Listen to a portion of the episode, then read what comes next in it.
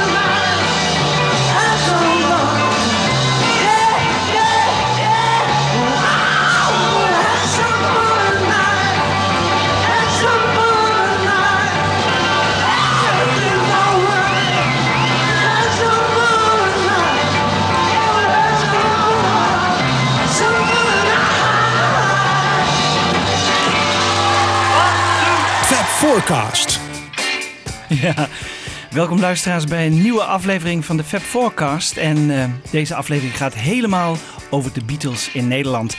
En naast mij zit zoals gewoonlijk. Michiel Tjepkema. En achter de knoppen. Wiebo Dijksma. Ja, en ik heb twee hele bijzondere gasten vandaag. Mijn naam is Jan Kees de Brugge. En ehm, zij komen helemaal uit Blokker. En ehm, stelt u zich even voor, heren. Wie bent u? Eh, mijn naam is eh, Peter Schaper. Ik ben eh, bestuurslid van Stichting De Beatles in Blokker. En mijn naam is Gert Elsinga. Ik ben voorzitter van Stichting Beatles in Blokker. Nou, geweldig. We zijn ontzettend blij dat jullie er zijn. Want eh, we hebben heel veel eh, te vragen aan jullie. En jullie hebben ongetwijfeld heel veel te vertellen. Want jullie hebben een prachtig boek uitgebracht. En ehm, ja, eh, Michiel, als ik zeg de Beatles in Nederland, wat, wat denk jij dan? Nou, het was een prachtige zomerdag en het staat me nog zo goed bij. Het was eh, daar aan de Zo Amsterdamse oud is hij al, mensen. Ja. Nee, wat mij eerlijk gezegd vooral bijstaat is, eh, is 1989. Want toen is het al voor, eigenlijk voor het eerst, nou niet voor het eerst misschien, maar wel eh, echt voor het eerst echt op de agenda gezet. In die zin dat er toen het boek uitkwam van, van Henk van Gelder en Lucas Lichtenberg. En dat heb jij, dat komt vast nog ter, nog ter sprake, ehm, dunnetjes, dunnetjes over gedaan. Hè. Een nieuw boek geschreven, verschenen over de Beatles in Holland. En het, eh, het doel van deze uitzending zal vooral zijn om eigenlijk chronologisch die trip door te nemen. En ja, af en toe ook wat unieke opnames te laten horen, is het niet? Zeker, dat gaan we zeker doen. Wiebo, als jij denkt aan de Beatles in Nederland, wat eh, komt dan het eerste bij jou boven? Nou, echt de allereerste herinnering die ik had was volgens mij eh, 1984. Toen was ik een mannetje van 9 jaar, denk ik. En ik kan me, dat is heel vaag, ik kan me herinneren dat ze op tv waren. Dat was toen volgens mij 20 jaar geleden. En eh, dat George Harrison in dat vraaggesprek met Herman Stockert over cavers had zo'n caver stamp of zoiets. En ik dacht dus echt dat het woord eh, eh, kever dus ook in, in het Engels bestond. Gewoon dat dat kever, net als bij ons kever was, maar dan kever. Ja. Hij zei het dus op zijn Nederlands. Dat, dat is het eerste wat mij bijstaat. En verder ja, eh, het meezingende publiek bij All My Loving, die de fout in gaat als ze te vroeg het refrein inzetten, geloof ik. En het boekje van Lucas Lichtenberg en Henk van Gelder inderdaad. Dat had ik ook destijds gekocht. En jij Ja. Jan Kees, wat zet jou als eerste bij? Nou ja, ik was zeven jaar en ik kan me nog herinneren dat we met de hele familie toch naar de televisie zaten te kijken. Dat eh, kan ik wel. Ik had oudere zussen, dus die waren heel erg geïnteresseerd in die Beatles. Hè. Die waren echt in die tienerleeftijd. En eh, ik, ik, ik herinner me daar eh, dat we naar die televisie zaten te kijken en dat het toch overkwam als iets heel bijzonders. Maar nu, ik wil ook graag even van Peter weten. Zeg eens even, eh, wat, wat, wanneer hoorde jij voor het eerst van die Beatles in Nederland? Eh, Hoe oud was je toen? Eh, toen was ik een jaar of vijf, vier. Ik ben geboren in Blokken. Ja. Ja, het eerste, de vraag die je net stelde aan de andere jongens, mijn gedachte is van shit, was ik maar 15 jaar eerder geboren. Dan had ik het echt bewust mee kunnen maken. Ik, ik was drie jaar dat het gebeurde in Blokken. En als je daar geboren bent en je bent muziekliefhebber, dan eh, kan je er niet meer omheen. En dan hoor je daar gewoon ieder jaar weer de meest eh, prachtige verhalen over. Ja, want leeft het nog echt in Blokker? Ja, het leeft in Blokker, ja. ja. Is het elk jaar weer een eh, soort herinneringstrip down nou, memory nee, lane? niet, niet el- elk jaar. Het is meer iedere vijf jaar. Iedere tien jaar, dan gaat het echt weer leven. En dat, eh, dit doen wij nu ook voor de vierde keer. Ja. Ja. Gert, jij moet ook even je herinnering vertellen aan... eh, Ja, ik zeg altijd, eh, ik was meer bezig met Dikkertje Dap. Ik was zes, dus eh, gek genoeg, ik, heb, ik herinner me nog wel dat Kennedy vermoord was. Eh 63, twee- 22 november. Maar de Beatles, ik kan me herinneren dat bij mij in de straat in Middenbeemster woonde een jongen die leek heel veel op John Lennon. En die kon heel goed gitaar spelen en die speelde ook liedjes van de Beatles. En dat is een beetje mijn eerste herinnering. Ah, ja. En ik weet nog wel dat ik, dat ik zat te kijken van zo van jeetje. Goh, het, het leek echt, hij leek echt op John Lennon. Maar wat ook aardig was in die tijd, en dat is er voor mij ook nadrukkelijk aan verbonden, was dat hij ook zijn haar wat langer durfde te laten groeien. Dus echt bijna over zijn oren. Dus ja, dat was in die tijd een item. Nou, die Beatles die kwamen dus aan op vrijdagmiddag om half één eh, in, eh, op Schiphol.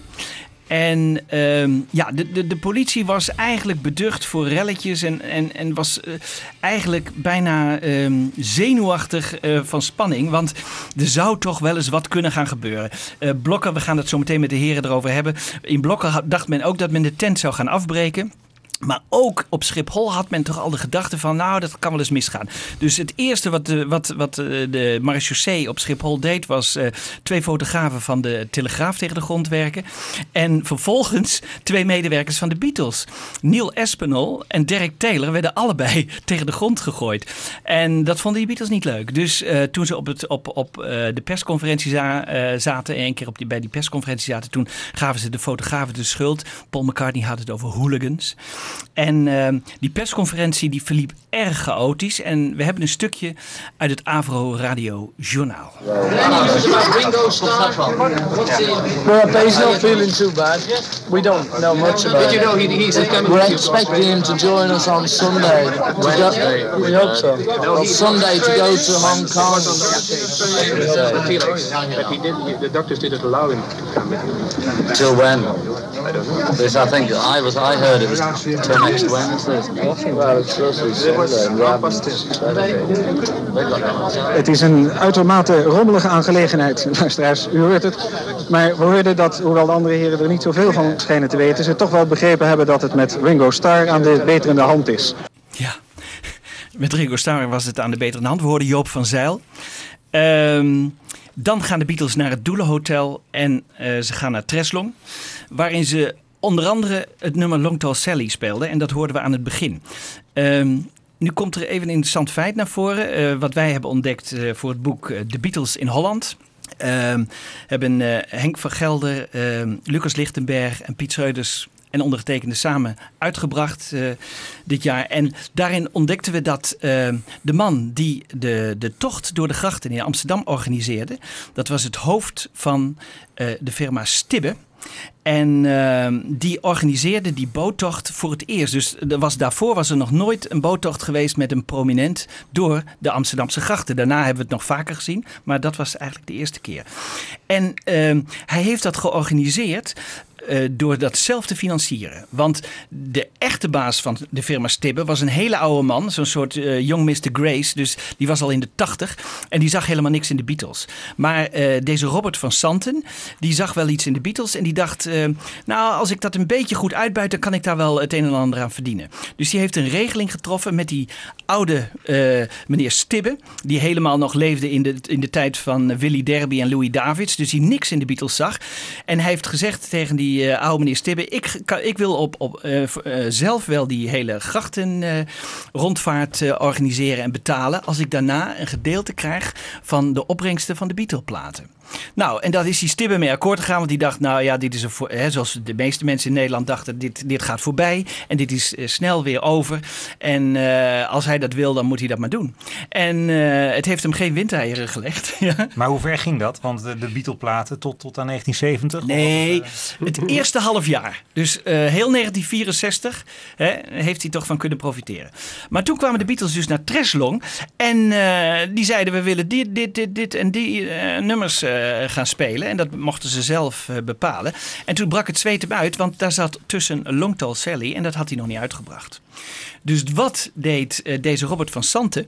Die dacht, ik ga tijdens de rondvaart ga ik uh, de platen doop houden. L uh, Long Tall Sally van de Beatles. En dus voor Carré is de boot gestopt. Hebben ze de officiële plaat ten doop gehouden. De Beatles hebben hem gesigneerd. iedereen kreeg een exemplaar.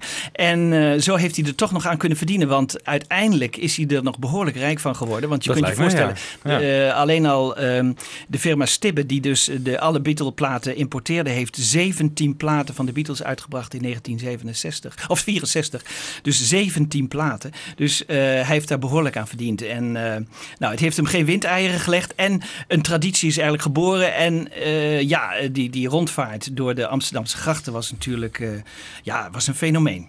Uh, ja. Jullie zijn er natuurlijk niet bij geweest, nee. maar uh, als jullie aan die rondvaart denken, wat... Uh... Nou, het, het grappige is wel, want ik zei net al, dit doen wij nu voor de vierde keer. En in 2004 hebben we ook een manifestatie georganiseerd. Toen hebben we die rondvaart ook exact overgedaan. Toen is een, een grote groep mensen vanuit Blokker met een dubbeldekker naar Amsterdam gereden. Bij het Doelenhotel opgestapt en de rondvaart exact gedaan zoals de Beatles die ook deden. Onder leiding van René van Halen, ja. Beatles Unlimited. Ja. Dus dat was voor heel veel mensen een prachtige ervaring. Live muziek aan boord. Wat leuk van uh, Drie Snotneuzen? Ja, uh, Tim Knol. Die, uh, ja. Ja? Hij speelde toen live met ja. zijn gitaartje. Hoe oud was je toen? Een jaar of 14, 15? Ja, samen met Kees, mijn zoon. Die is dan drummer. Die was 12. Tim was 14. En die speelde Beatles op de rondvaart. Geweldig. Wat leuk. Wat leuk. Ja, heel grappig. Ja. En kun nog even iets, want we gaan nog. Ik, ik ben ook altijd benieuwd naar van hoe komen ze nou op bepaalde locaties. Hè? Dat we ook zo meteen van jullie horen van hoe, hoe komen ze in hemelsnaam in een, toch een, een klein dorpje in Noord-Holland terecht, in Blokker. Maar ook hoe komen ze in het Doelenhotel terecht? Kan je daar nog wat over ja, vertellen? Doelenhotel is eigenlijk omdat het uh, Amstel Hotel weigerden ze, het Apollo Hotel weigerden ze, het Hilton Hotel weigerden ze. Want die hotels hadden allemaal gehoord, als je die Beatles binnenhaalt, dan wordt de complete boel afgebroken. Zoals later bij de Hoer er wel gebeurde, maar toen was dat natuurlijk helemaal niet het geval. Maar die hotels hadden wel dat, die gedachte. En uh, Carranza, die net uh, het Doelenhotel had gekocht, die dacht van nou, dit is wel een aardige publiciteit. En mij lukt het wel om dat een beetje binnen de, paden, binnen de perken te houden. En laat ik het maar wagen. En hij had het voordeel dat, dat het ook heel mooi af te sluiten was, het Doelenhotel. Dat het aan de gracht lag. dus dat, dat ze heel mooi die, die, die die, die tocht vanuit het Doelenhotel konden beginnen. Dus in wezen was het uh, ideaal. En uh, het heeft hem ook geen windeieren gelegd, want daarna wilden heel veel mensen in het Doelenhotel uh, overnachten. Dus zo kwamen ze in het Doelenhotel. Wij hebben overigens een stukje van het Vara. Er is niet veel geluid, maar als we willen horen hoe het klonk aan de grachten. Hè, de Polygoon heeft geen geluid opgenomen bij de grachten. Het, N, het NTS-journaal heeft ook geen geluid. De enige die geluid heeft opgenomen is de, een Vara-reportage. Um, het, de geluidsman eh, Jeff Nassenstein, die later nog even terugkomt, maar die heeft dat geluid opgenomen. En dat horen we aan het eind van deze reportage. laten we even een stukje luisteren over de, de film die de Varen maakte over Amsterdam. Zaterdagmorgen. De Beatles maken zich op voor de rondvaart waarmee ze voor de eerste keer tijdens hun tournees in de gelegenheid worden gesteld iets meer van hun stad te zien dan politieagenten en het theater waar ze moeten optreden. Alle hens aan dek, de triomftocht kan beginnen.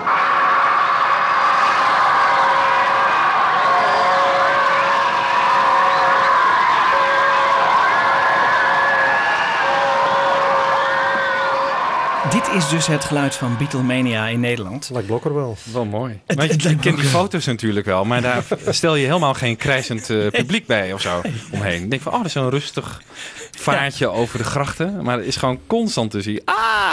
Geweest. Dit, Wel mooi. dit maakt het ook anders. Hè? Dit- Die hysterie, dat was Ja. nog nooit vertoond in Nederland. Dus, dus ik vind het zelf heel interessant. Dat je, toen brak er iets, toen gebeurde er iets, toen was er emotie ineens. En het ging over veel meer dan muziek.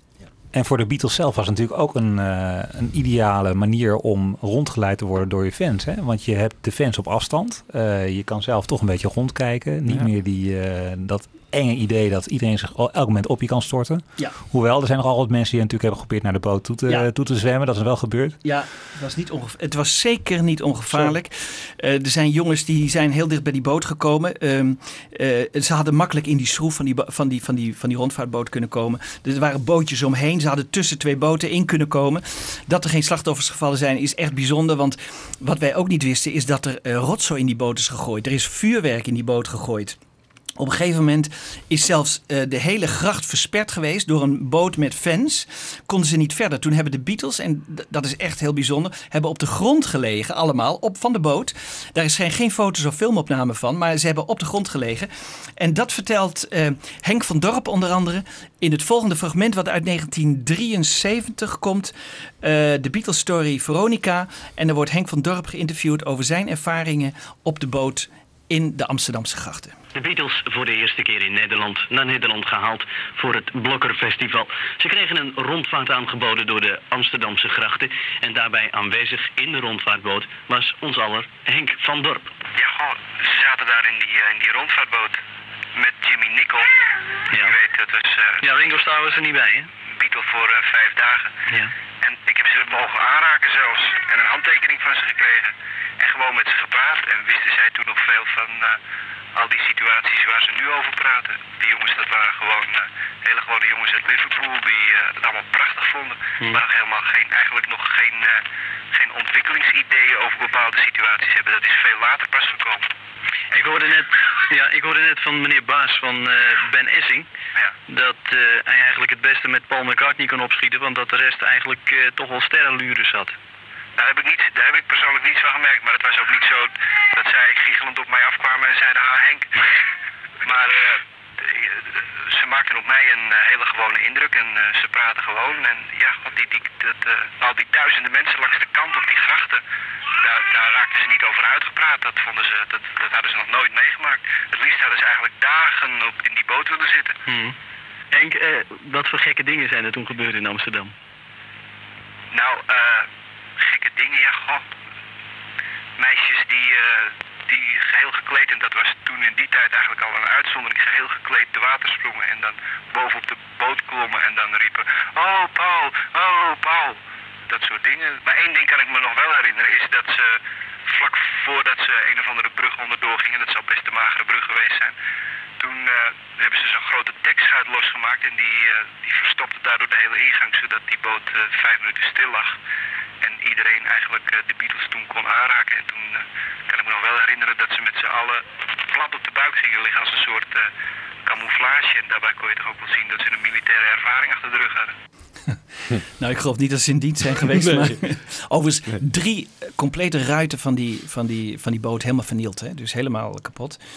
De boot, ehm, Peter zei het net even tegen mij tussendoor. Die boot die is overigens uiteindelijk terechtgekomen, de Jan van Galen, in België. En wordt nu voor uitvaarten gebruikt in het Belgische Bergen, heb ik gehoord. Ja. Komt die boot ook naar eh, Blokker Ja, dat hebben we de vorige keer wel geprobeerd, maar dat, is, dat is een eh, moeilijke missie, zeg maar. Ja, Dat is niet te doen. Dan gaan ze via Monnikendam. Overigens, eh, het is wel aardig. Sterallures wordt even genoemd. Ik heb me af zitten vragen, wat kan dat zijn geweest? Het, kan, het, het kunnen drie dingen zijn geweest. Eén, de Beatles kwamen al een uur te laat voor de rondvaart. Hadden helemaal niet zo'n zin om eh, uit hun, vanaf hun kamer te komen. En hebben ze dus een uur te laat gestart. Dan, eh, ze hebben het vliegtuig anderhalf uur laten wachten op zondagochtend. Hè, toen ze teruggingen naar Londen. Al die mensen hebben het anderhalf uur. Ze wisten, die vliegtuigen die wachten op de Beatles. Inmiddels waren ze zo bekend en beroemd dat vliegtuigen wachten op de Beatles. Dus dat, dat kan iets geweest zijn. En ik iets gehoord van Ben Essing. Misschien weten jullie daar iets van. Die had ze ook graag mee willen nemen naar Volendam of naar, naar iets. Maar dat, dat wilden ze niet. Uh, weten jullie daar iets van? Ja, nou, het was in ieder geval bekend dat Oud-Stuttenburg. Dat was een plek waar Ben Essing altijd heen ging met zijn artiesten. Uh, Monnikendam lag natuurlijk heel mooi centraal tussen Amsterdam en Blokker. En waarom hij nou naar uh, Oud-Stuttenburg ging, ja, je kon daar lekker eten, heb ik gehoord. Hele simpele verklaring. Maar het was ook een, een goede plek. En uh, ja, de verhalen dat de Beatles ook Monnikendam in zijn gegaan, die vinden wij zeer fascinerend. Dus we, we overwegen ook om Ja. stichting uh, Beatles in, in Monnikendam op te richten. Ja, dat is grappig. Ik heb dat ontdekt, want eh, ik heb eh, Jeff Nassenstein, die net al zwak, eh, die was eh, de geluidsman bij de VARA. En die ging dus van de rondvaart naar Blokker toe. En toen dachten ze onderweg, we gaan even wat eten. Toen kwamen ze dus in Monnikendam en kwamen daar de Beatles tegen, bij Stuttenburg. Maar wat wij hebben begrepen is dat Ben Essing ze ook nog een keer mee had willen nemen eh, tussen het ene concert en het andere naar Stuttenburg. En daar hadden ze geen zin in. Toen hebben ze geslapen, maar daar kunnen jullie straks misschien iets over vertellen, onder de tafels in de, in de kleedkamer. Maar ze zijn volgens onze informatie dus eerder al in Monnikendam even Ja, nou, geweest. nou wordt het best wel ingewikkeld. Tenminste, ze zijn later dan half drie richting Amsterdam vertrokken. En het middagconcert begon even over half vijf. Dus het zijn twee uurtjes die ze gehad hebben. Dus het Ja. moet wel heel erg kort geweest zijn Ja. in Monnikendam. Maar het is niet eh, uitgesloten. Het zou dus kunnen. Het zou kunnen. Ja, nou, dat is, eh, dat is heel interessant. Ehm, jij had een vraag over Blokker aan de heren. Ja, want het lijkt mij, als je dit gaat organiseren, zo'n concert met toch een van de grote namen in de popmuziek op dat moment, dan, dan denk je aan Amsterdam, dan denk je aan Den Haag, aan Rotterdam misschien. Hoe komen ze nou in Blokker terecht? En hoe komen ze ook in een veilinghal terecht? Waarom niet in het Koerhuis of eh, een Ahoy-achtige hal? Weet ik veel, dat zal er nog niet geweest, geweest zijn. Maar Ja, nou, het belangrijkste was dat het buiten de steden bleef. Omdat men heel erg angstig was voor onrust in de steden en vernielingen. Eh Blokker, daar stond al een organisatie. Vanaf 1956 tot 1965 he- hebben daar heel veel eh, grote namen opgetreden. Dus de organisatie stond al. Hm. Dat was zeker niet onbelangrijk. Maar ik denk dat de bedoel, voornaamste... faciliteiten, de faciliteiten waren er. Die waren eh, er. Ja, En, en een blind paard kon er geen schade doen in die veilinghal Ja. natuurlijk. Dat was Ja. ook eh, een van de belangrijkere redenen volgens mij. Ja, ik, ik, ik heb wel eens een hele leuke verklaring gehoord. Iemand die zei van ja, de Beatles wilden nergens anders optreden. Eh, ik bedoel, dan draai je hem even om. Ja. En eh, eigenlijk ook niet zo gek wat Peter net zei. Van ja, daar in Blokker was een organisatie die was gewend om, om, om op zo'n gekke plek hè, in, in de veilinghal al dingen te organiseren. Eh, ben Essing was daar begonnen in 56 met Dutch Swing College Band. En zijn vader was burgemeester van Blokker. En hij was ook voorzitter van Veiling op Hoop van Zegen. Dus hij heeft gewoon gezegd van nou Ben, eh, probeer die veilinghal. Eens kijken hè, of, of dat iets oplevert. En, want het doel was om centjes bij elkaar te sprokkelen voor de katholieke sportvereniging. En dat lukte. Nou, toen is het begonnen eigenlijk. Maar En- vergeet ook niet de capaciteit. Want er waren niet zo gek veel zalen waar Nee. 7.500 mensen in konden. Zonder al te veel problemen. Dat heb zeker meegespeeld. En eh, als je ziet wat ze betaald kregen, dan moest dat ook wel. Die hoeveelheid mensen. Want anders Want, het, wat, wat kregen ze betaald? nou, rond de 40.000 eh, eh, eh, gulden. Ja. Ja. Ja, het verhaal ging dat ze een eh 1000 gulden per minuut hebben verdiend. Ik denk dat dat wel aardig klopt. Ja. Want ze hebben maar twee keer 24 minuten gespeeld. Ja. Kom je aardig in de buurt, toch? Ja, die tijd is er nog meer waard ook. Dus Zo. dat is een best een goede gage Ja, geweest. Ja. ja. Maar goed, dan moet je wel eh, een x-aantal mensen naar binnen kunnen halen. En hoe duur was een kaartje bijvoorbeeld? 10 gulden.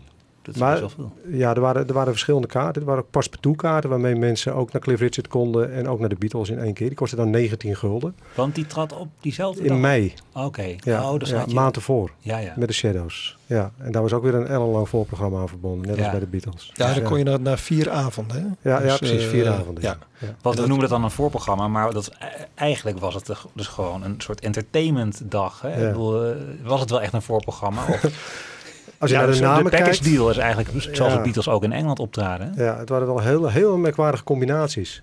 Ja, Noem eens wat. Siska Peters. Ja. Voor de mensen die haar niet kennen. Ja. Ja, eh, je had eh, eh, Jack en Bill. eh, Ja, Jack. Van het Anneke Greunlo niveau Ja, ja. Ja. Nou, ik, wat De ik Candy over, Kids.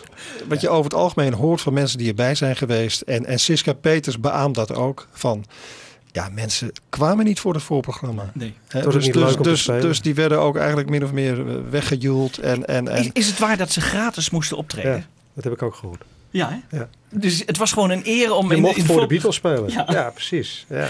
Nou, ik weet dat Siska, opvangen. Siska wilde ook graag op de foto met, met de Beatles. En eh, haar man Pim Terlinde, die een prachtige foto heeft gemaakt van de Beatles. In blokken, vind ik. Eh, dan zie je ze vanuit de auto richting backstage lopen met die gitaar in de hand. Maar die was luchtmachtfotograaf, Pim Terlinde. Dus Siska zei van ja, ik wil heel graag op de foto met de Beatles. Maar Zo'n mooi verhaal heb jij nog over Siska Peters. hoor. Mag dat niet? eh, Ja, ja, nou. we zijn niet zonder Ja, elkaar, gaat dus, zien naar eh, luisteren. ja. Mag zijn ik dat niet op nationale Ja, ja, ja, dat is een ontzettend leuk verhaal. Ja. Echt waar. Nou ja, ik zei, eh, kijk, we hebben Siska benaderd voor het boek om te vragen of zij het voorwoord wilde schrijven. En eh, ja, ja, hoe moet ik dat nou doen? En ik zei, nou, om te beginnen zou ik het heel leuk vinden. Ik zei, want dat doen wij zelf ook. Het, wordt gesteld in de tegenwoordige tijd. En dan heb je echt het gevoel dat je erbij bent. Hè? En niet zo van toen, maar nu. En dus het zou mooi zijn als jij zo kan schrijven: ja, ik sta op het podium met mijn elektrische gitaar en te spelen. En ik draai me om en ik zie dat eh, John, John Lennon uit zijn neus staat te peuteren. Ik bedoel, eh, ik wil ook graag weten of je de Beatles hebt gezien. Hè? Heb je echt kennis gemaakt met de Beatles? Nou, zegt ze, ja, ik kan je dan wel iets vertellen. Ehm, ja, ik had toen net een kind. Dus ja, en zo vertelden ze dat tegen mij. Ik had nogal grote tieten. Ja. Dus ik zeg, pardon. dus ze zegt, ik was in de kleedkamer me aan het verkleden en eh, mijn jurkje naar beneden. En ineens gaat die deur open. En wie staat daar? Paul McCartney. en die kijkt zo eerst recht in mijn ogen en toen naar beneden. En die zegt, excuse me, madam. en hij verdwijnt weer. Maar zegt ze, nu komt hij. Eh, nog geen, geen, geen vijf seconden later gaat die deur weer open. Weer Paul en hij kijkt me weer in mijn ogen en weer naar beneden. En hij zegt, excuse me again, madam. Ja, ja, ja. Zo. Die Dit zijn wel de- weer. Ja. Kijk, dit zijn de leuke verhalen. hè? Dit zijn de toen leuke hij verhalen. de handtekening gezet op... eh, Ja, en ze mocht niet op de foto. Ja. Overigens, eh, jullie eh, eh, weten er zoveel van. Natuurlijk niet alleen omdat jullie eh, eh, bestuursleden zijn. Maar ook omdat jullie een boek hebben geschreven. De Beatles in de prettig verwarmde veilinghal. Waar komt die titel vandaan? In de prettig verwarmde veilinghal. Het Blokkerfestival eh, werd ieder jaar op dezelfde manier aangekondigd. Op prachtige posters, rood-zwart. In een eh, heel mooi vormgegeven. En boven iedere poster stond in de prettig verwarmde veilinghal. En dat was zo bij Cliff Richard en dat was zo bij Louis Armstrong en bij Jacques Brel. Iedere keer weer in die prettig verwarmde veilinghal. Dus vandaar. Maar niet bij de Beatles toch? Want toen was het eh, eh, warm die dag. Ja, Ja, nou, het prettig verwarmd is wat mij betreft ook eh, eh, prettig verwarmd door de hysterie, Ja, hè, ja, door de opwinding, door de emotie. Ja. Eh, ja, het, het, het- en het geeft zo aan wat er toen was. Hè? Kijk, als we erop hadden gezet de Beatles in blokken, ja, nou oké. Maar dit geeft net even iets meer aan. Ja. Zeg, die voorkant, dat zijn getekende Beatles, maar dat is niet zomaar getekend. Hè? Vertel even, wat, wat, wat zien wij op die voorkant van jullie boek? Dat is een, eh, een, een afbeelding van, eh, van gordijnstof, wat door de eh, Stoomweverij Nijverheid uit Enschede. werd geproduceerd. Ja. Die gordijnstof die hing in drie verschillende kleuren in de veilinghal. Eh okergeel, groen en blauw. En wij hebben de blauwe stof gebruikt als eh, omslag voor ons boek. Want eh, ja, het, is, het ziet er fantastisch uit. Het is lekker fris. Ja. Het springt goed in het oog. Ja. Dus Ja. vandaar. Ja. Het leuke hieraan is, vind ik, dat je, je, je ziet iets van de knulligheid, hè? van de, de tekenstijl. En ja. dat was kennelijk in die tijd toch ook wel een beetje Nederlands. Eh, het leek net alsof die ontwerpers niet zo erg hun best wilden doen of hun best, niet zo hun best hoefden te doen. Je, je ziet ook hierin bijvoorbeeld eh, ja, eh, nylons van Vroom en Dreesman. Met hele knullig uitgeknipte hoofdjes van de Beatles. En die zie je dan in verschillende grootte zie je op dat, op, dat, eh, dat pak van die nylon staan. En ja, als ik dat zo zie, dan denk je van nou, als dit de reden is dat je die, die nylons koopt, ja, er staan Beatles op, maar het, het ziet er niet uit. Nou ja, dat hoort een beetje bij die tijd. En ik denk dat het ook te maken heeft met een soort van haastwerk. Hè? Eh, snel werden dingen gemaakt. En, en hier zal er iemand zijn geweest ja, die wel aardig kon tekenen. Ja. Want zo ziet het er een beetje uit. Ja, precies. Maar tegelijkertijd is dat ook natuurlijk de charme ervan. Want eh, kijk, de foto's die erin staan, dat zijn 30 foto's van een amateurfotograaf. Prachtige foto's moet ik zeggen. Echt kleurenfoto's, ongelooflijk. Ja, en dat is het mooie. Het is de enige reportage in kleur, voor zover bekend, van het evenement de Beatles in Blokker. Maar ja, die hebben ook een beetje die zweem, die charme van, van, van amateurisme. Ja. We En kennen dat- toch één kleurenfoto vanaf eh, de perstribune? Eh, in Ja, kleur dan, in kleur. Ja, precies. Ja. Ja, Die- dat is er al langer. Ja, Klopt. die kennen we al langer. Ja. Hè? Maar, Ja. maar dit is allemaal nieuw. Hè? Dit, Ja. hoe, hebben, hoe hebben jullie die, die kleurenfoto's ontdekt? Hoe is dat gegaan? Ehm, het is zo dat wij eh, hadden een bestuurslid, of niet een bestuurslid, een, eh, een, eh, iemand die was, was lid van ons clubje, George Evers. Nou, bekende Beatles-fan en verzamelaar. Ehm, die zei op een gegeven moment van mijn zoon Stan, die heeft ontdekt op internet dat er eh, kleurenfoto's zijn van, van de Beatles in blokken. En eh, nou, wij zeiden, nou, pff, laat zien. eh. dus hij liet wat dingen zien. Dat werd, wa- was eerst nog een beetje mysterieus. En van ja, van wie is dat dan? En nou ja, ik heb hem gebeld, maar ik kwam niet veel verder. Nou, we zijn eens naar gaan kijken. En toen hebben we gedacht van nou, het beste wat we kunnen doen is die man bellen die die foto's heeft. En eh, eens kijken wat er mogelijk is. Nou, dan heb je het natuurlijk- over iets als gebruiksrecht en, en copyright. En wat mag je ermee? Dus we zijn er overeengekomen dat wij die foto's eenmalig zouden mogen gebruiken voor het maken van een boek. En voor de expositie. En eh, ja, zo is het ontstaan eigenlijk. En deze man heeft die foto's zelf, ja, schrik niet. Want het zijn gewoon dia's. Hè? Dus het, je hebt het over één of twee diarolletjes. Heeft hij ontdekt op Marktplaats. Jee. Oh. Dus ja, Ja. weet je. Dus, dus hij heeft gedacht van... Hé, hey, misschien is het wel leuk. Misschien is het wel iets aardigs. En, en, en deze man is... eh, ik heb het over fotoarchief.nu. Deze man die is dus eh, iemand die kleurenfoto's verzamelt uit die begintijd van de jaren 60 met die aparte zweem hè, eh, Ja. van allerlei plaatsen in Nederland. En toevallig Noord-Holland, Blokker. Ja, en dan kom je bij de Beatles. Nou, jullie hebben geweldig werk gedaan, want dit is echt uniek materiaal, moet ik echt zeggen. Eh, ik wil alle luisteraars uitnodigen om dat boek echt te bekijken. Eh, jij wilde iets zeggen? Ja, vertel even Jan Kees, want ehm, een van de dingen waar jullie mee zaten bij de beschrijving van jullie boek De Beatles in Holland is de vraag van, ja, is bewijs dat er bij het middagconcert, want ze hebben dus twee keer opgetreden in Blokker, dat er inderdaad zo weinig publiek was. Ja. Hè? Ja. En wat, zie, wat zien we hier? Het bewijs is er nu, hè? En dat bewijs is er, hè? Jullie kunnen het eh, beamen. Je ziet een lege tribune. Wat, hè, beschrijf het even, heren. Nou ja, eh, het feit is, en jullie hebben dat ook al beschreven in jullie boek, dat het middagconcert eh, lang niet uitverkocht was door problemen met distributie van kaarten die door Veronica waren opgekocht. Dus er waren smiddags tussen de 2.500 en 3000 mensen en niet meer. En dat, dat is nog niet eens een halve zaal vol. Heren, wat was het eerste nummer wat de Beatles speelden in Blokker?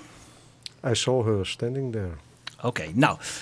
Laten we daar eerst even naar gaan luisteren. Ik heb er een combinatie van gemaakt. Ik kan er zoiets over vertellen. Eh, een mixage van gemaakt van twee bronnen. Maar we beginnen dus met I Saw Her Standing There. Met de intro, en dat is wel leuk, van wat er daarvoor nog even is gezegd door ehm, de organisatie. Jij wilde even iets zeggen? Nou, ik wil even weten, kunnen we even eh, als algemeen eh, kader even schetsen van wat is er nou eh, met die, wat, ze hebben geplaybacked, ze hebben wel opgenomen, ze hebben niet opgenomen. Wat waren nou de problemen met die opnames? Ja. Voor, even voor de luisteraars, dat ik moet even helder hebben. Kunnen jullie daar iets over zeggen? Eh, mocht er opgenomen worden? Eh, speelden de Beatles live? Wat, wat, wat kunnen jullie daarover zeggen? Ja, in Blokker speelden de Beatles 100% live. En eh, er mocht in principe wel opgenomen worden, officieel. Maar er werd 5000 gulden per microfoon gevraagd. Er stond een radiowagen. En die heeft opnames gemaakt. Dat is ook uitgezonden. Eh, maar die eh, opnames, eh, die hebben we inmiddels ook gehoord. In uh, Gert's radioprogramma. Ehm, daar hoorde je voornamelijk het publiek mee zingen. En je hoorde de instrumenten heel erg goed van de Beatles. Maar je hoorde de Beatles bijna niet zingen. Dat kwam omdat de twee microfoons zijn uitgevallen. Ehm, er zijn ook nog andere opnames gemaakt van het avondconcert. Dat hebben wij, uh, voordat we het monument oprichten, zijn we bij de eigenaar geweest. Dat concert hebben we beluisterd. En aan de hand daarvan hebben we ook de nummers vermeld op het monument, de platenhoes. Dat waren acht nummers. Dus wij weten 100% zeker dat er in het avondconcert acht nummers zijn gespeeld. Het middagconcert, daar zijn nog wat twijfels over, heb ik gelezen. Ja, ja. Maar het, het avondconcert is dus opgenomen door de plaatselijke elektricien. Die deed alle elektra, de lampen, geluid. En die heeft zijn bandrecorder neergezet. En die heeft in twee grisante potten luidsprekers gezet, zonder dat iemand dat wist. Want die heeft ook Louis Armstrong opgenomen, die heeft Cliff Richard opgenomen. En die drie concerten, die heeft hij doorverkocht. Wij hebben daar nog in bemiddeld, want toen we het monument oprichten hadden we ook geld nodig voor het monument. Dus we hebben ze in contact gebracht met elkaar. Dus de man die dat opgekocht heeft, die eh, zit ook verbonden aan IMI. Dus het is niet ondenkbaar dat die opnames nu gewoon bij IMI zijn. En ik weet ook dat er plannen zijn om uh, live opnames van Beatles uit te brengen. Een serie. En wellicht uh, worden ze daarin opgenomen. Oké, nou dan weet ik nog te melden dat Jeff Nassenstein van de VARA, daar is hij weer, uh, het hele concert heeft opgenomen in, uh, destijds. Hij uh, reisde ook regelmatig voor de VARA naar achter het Oostblok in Moskou. En hij wist dat ze daar grote belangstelling hadden voor de Beatles. Dus hij heeft het, de originele band heeft hij weggegeven aan een grote fan in Moskou. Dat vond ik ook wel een mooi verhaal. Dan krijgen we Polygoon. Polygoon kreeg geen toestemming om, uh, zoals jullie net vertelden, moest 5000 euro betaald worden. Dus uh, wat heeft uh, Jan van Meerten, de cameraman en tegelijkertijd de geluidsman van Polygoon Journaal gedaan? Die heeft dus bij het middagconcert de opname gemaakt in het publiek, waar je ze ziet dansen en mensen en iedereen. En bij het avondconcert heeft hij tussen uh, de, het ene concert en het andere heeft hij stiekem een verbinding gemaakt van de microfoon van de Beatles met zijn uh, eigen geluidsinstallatie, zodat hij toch het geluid had van I Saw Her Standing There. Vandaar dat wij dus nu kunnen luisteren naar een gedeelte van I Saw Her Standing There en de andere, het, begin is van de NRU-opname waar jullie net over spraken, die gemaakt is voor het programma Echo van de KRO. Stond dus buiten de blokker een, een grote uh, auto, dat weten we inmiddels door het. Uh, door het uh, radioprogramma van Gert, waarin hij het prachtig is verteld. Uh, misschien is dat nog na te beluisteren op uh, internet, Gert? Ja, dat is radiohoren.nl en dan ga je naar Love Tracks en daar is het te beluisteren. Nou, dat is een hele interessante opname. we hebben allemaal met rode oortjes zitten luisteren. Ehm, misschien kunnen we nu even luisteren naar deze mix van twee opnamen, plus de intro van I Saw Her Standing There.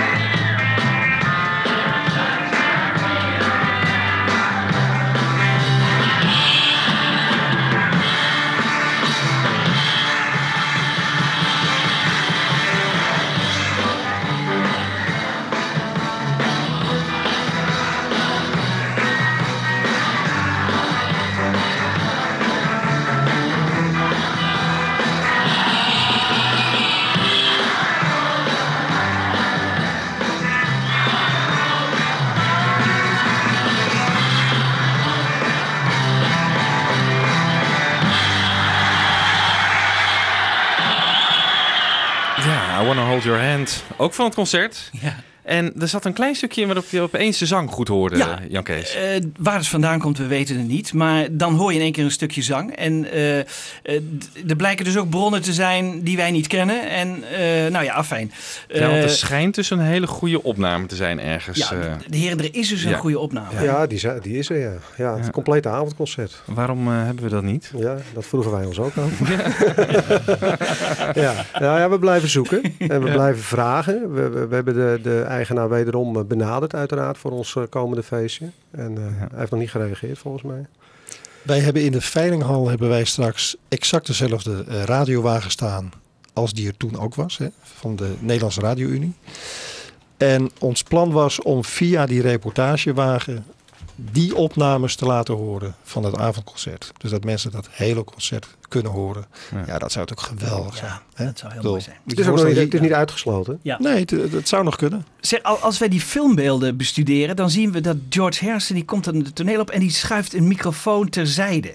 Hè, die, die, eh, die schuift hem opzij. Zou dat die NRU-microfoon kunnen zijn die normaal voor de zang...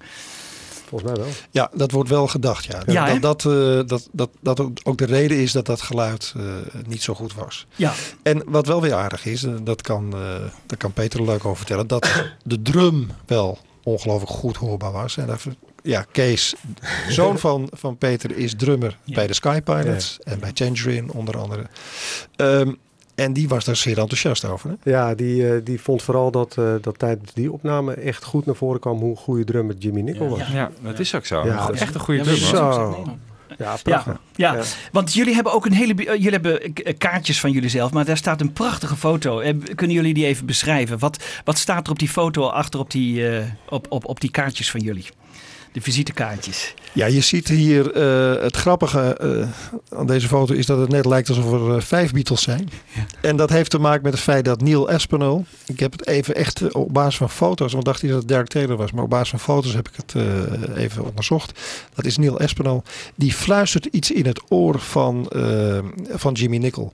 Het is wel aardig dat we deze foto lieten zien aan Howie Nicol. Die heeft vorig jaar ons Beatles monument heronthuld. Omdat eerst Ringo Starr erop stond. En nu hebben we dus Jimmy Nicol erop terecht.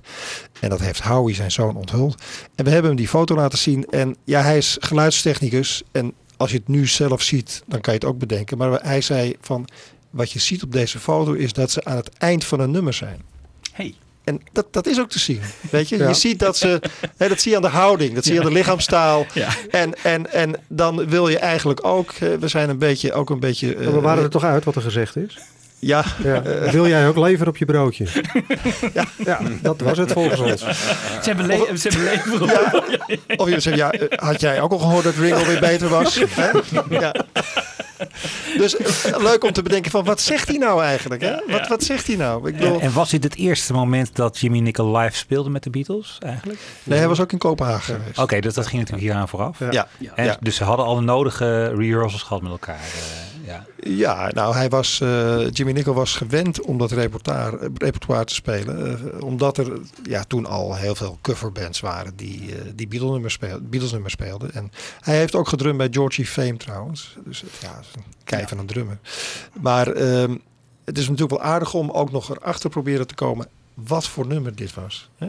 Tuurlijk. Dat op die Ja. foto. Ja, dat- dat- dat- dat- Daar Ja. komen we achter. Ja, hè? Ja, dat is, dat is zo leuk. Hè? Ja. Iemand anders zou zeggen, waar ben je mee bezig? Maar dat hadden wij ook met het boek van de Beatles in Holland en jullie natuurlijk ook. Je wil, eigenlijk wil je alles weten. Hè? Je- Nou, ik denk George zingt volgens mij op die foto. ja. Ah ja, dat is... Kijk, dus dat is- ja. dat Ja. eh, Nou, het kan Ja. maar één nummer zijn, denk ik toch? Roll over Beethoven heeft dat gespeeld of Nou, niet? Ja, ja, Ja? zeker. Zullen we Hey. dat nu bepalen dat dit is Nou, wel over kijk, Beethoven ja. is? En het liep naar het eind toe, hè? Dat was het ene laatste jongens. nummer. Dat was het ene laatste nummer. Ja. Dus ik denk dat Neil was- heeft gezegd nog één nummer. Jimmy. Precies. Oké, Precies. oké, Ja. oké. Nou, Maar was het het middagconcert of was het het avondconcert? Want waar komt de foto vandaan? Wie heeft de foto gemaakt? Gert, vertel. Ja, ik heb deze foto eh, gekocht. Dat is wel aardig om te weten. In de Staalstraat. En de Staalstraat staat haaks op de brug Bij het Doelen bij het Hotel. Doelenhotel. Ja, En daar eh, heb je zo'n dus zaakje een, met eh, filmfoto's Exact, en zo. een sine qua non. Ja, ja, Zo heet ja, die. Die heeft filmposters Ja, En, en, en, en allerlei foto's en dergelijke.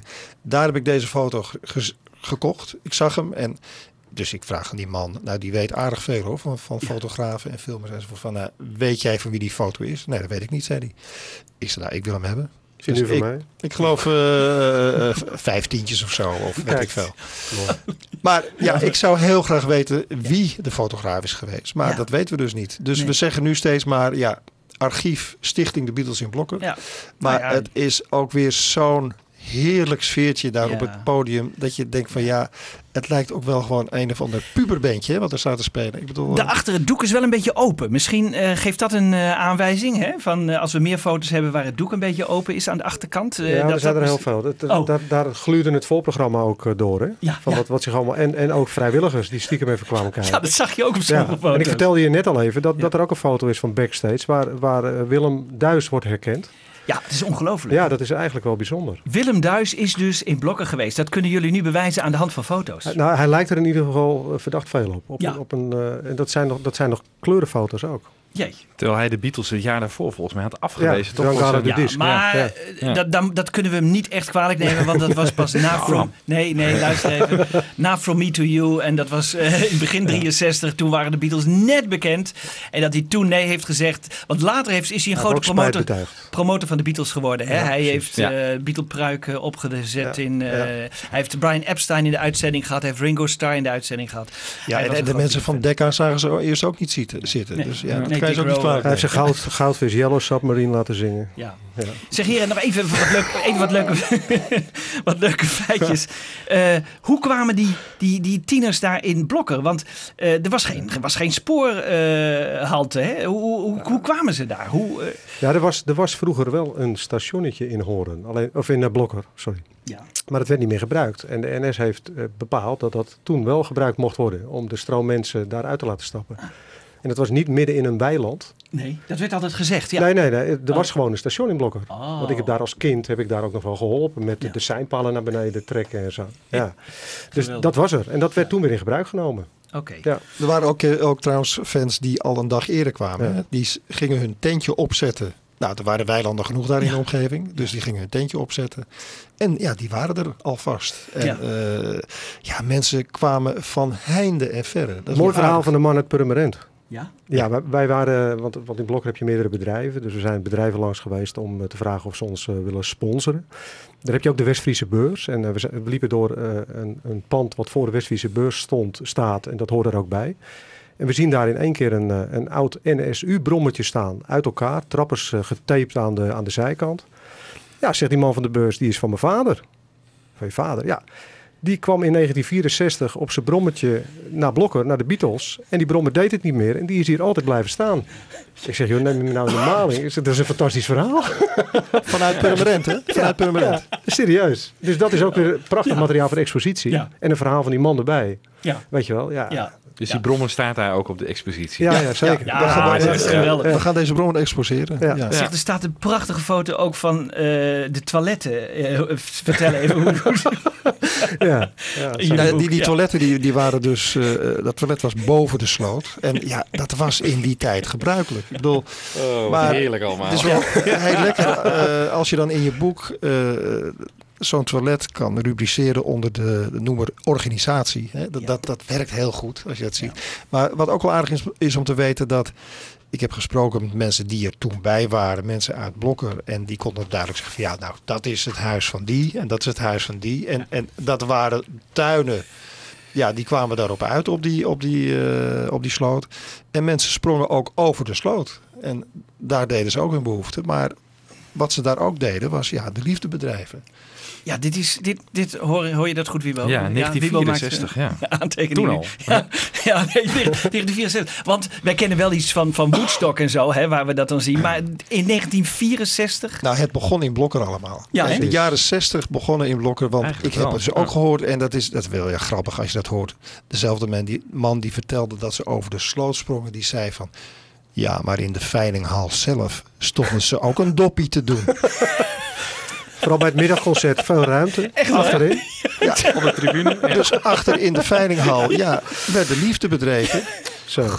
Zo. En ja, dat maakte de Beatles kennelijk los. Ja, het is ongelooflijk. Weg Wat met de preutsheid in één keer, ja. Weg met de preutsheid. Ja. Ja. Ja, Iemand die erbij was, dat is de heer Baars van eh, bureau Essing.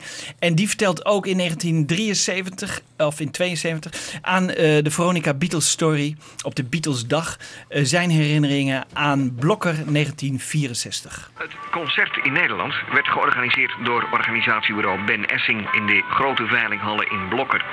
In die tijd werden door het Beatle-publiek nogal eens concertzalen afgebroken. Vandaar dat in Blokker het meubilair bestond uit eenvoudige appelkisten. Meneer Baas van het organisatiebureau heeft alles meegemaakt. En ter gelegenheid van onze Beatledag op 29 februari 1972 belde Giel Montagne hem op. Dat telefoongesprek laten we nu nog eens horen. Aan de telefoon op het ogenblik de heer Baas van organisatiebureau Ben Essing, die in de tijd het eh, welbekende Blokker Festival organiseerde, die dus ook voor de eerste keer de Beatles naar Nederland haalde. Met de Beatles is er een enorme belangstelling geweest. En het is op zichzelf een enorm optreden geweest. Behalve we hebben dus niet Toen gehad. Hè. Die was toen ziek. Ja.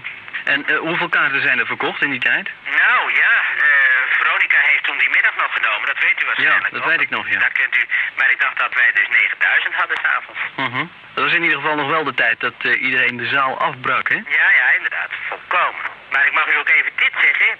Montagne, dat het wel zo was, en dat heb ik dus her, nogal, dat heeft mij nogal wat, wat, wat, wat aanstoot gegeven. Ja.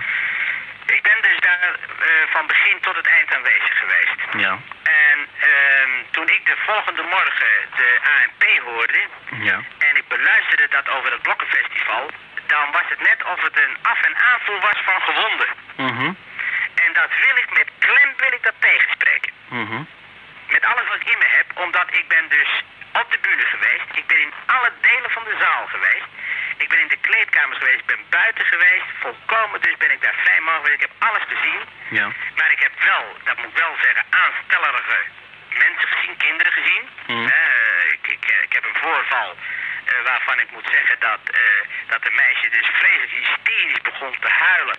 En, en, en dat ze dan met hokjes en stotten en, en eruit wist te braken van ja, ik heb de Beatles niet gezien.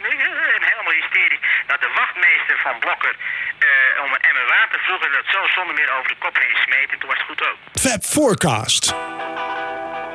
Je weet nog niet wat ik je wil vertellen. Je weet nog niet hoeveel ik van je hou.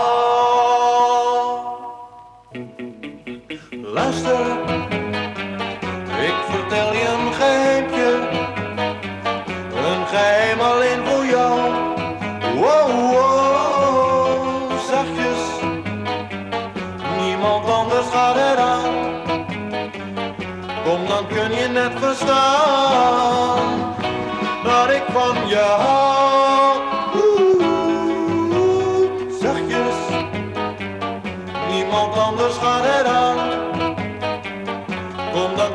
Dan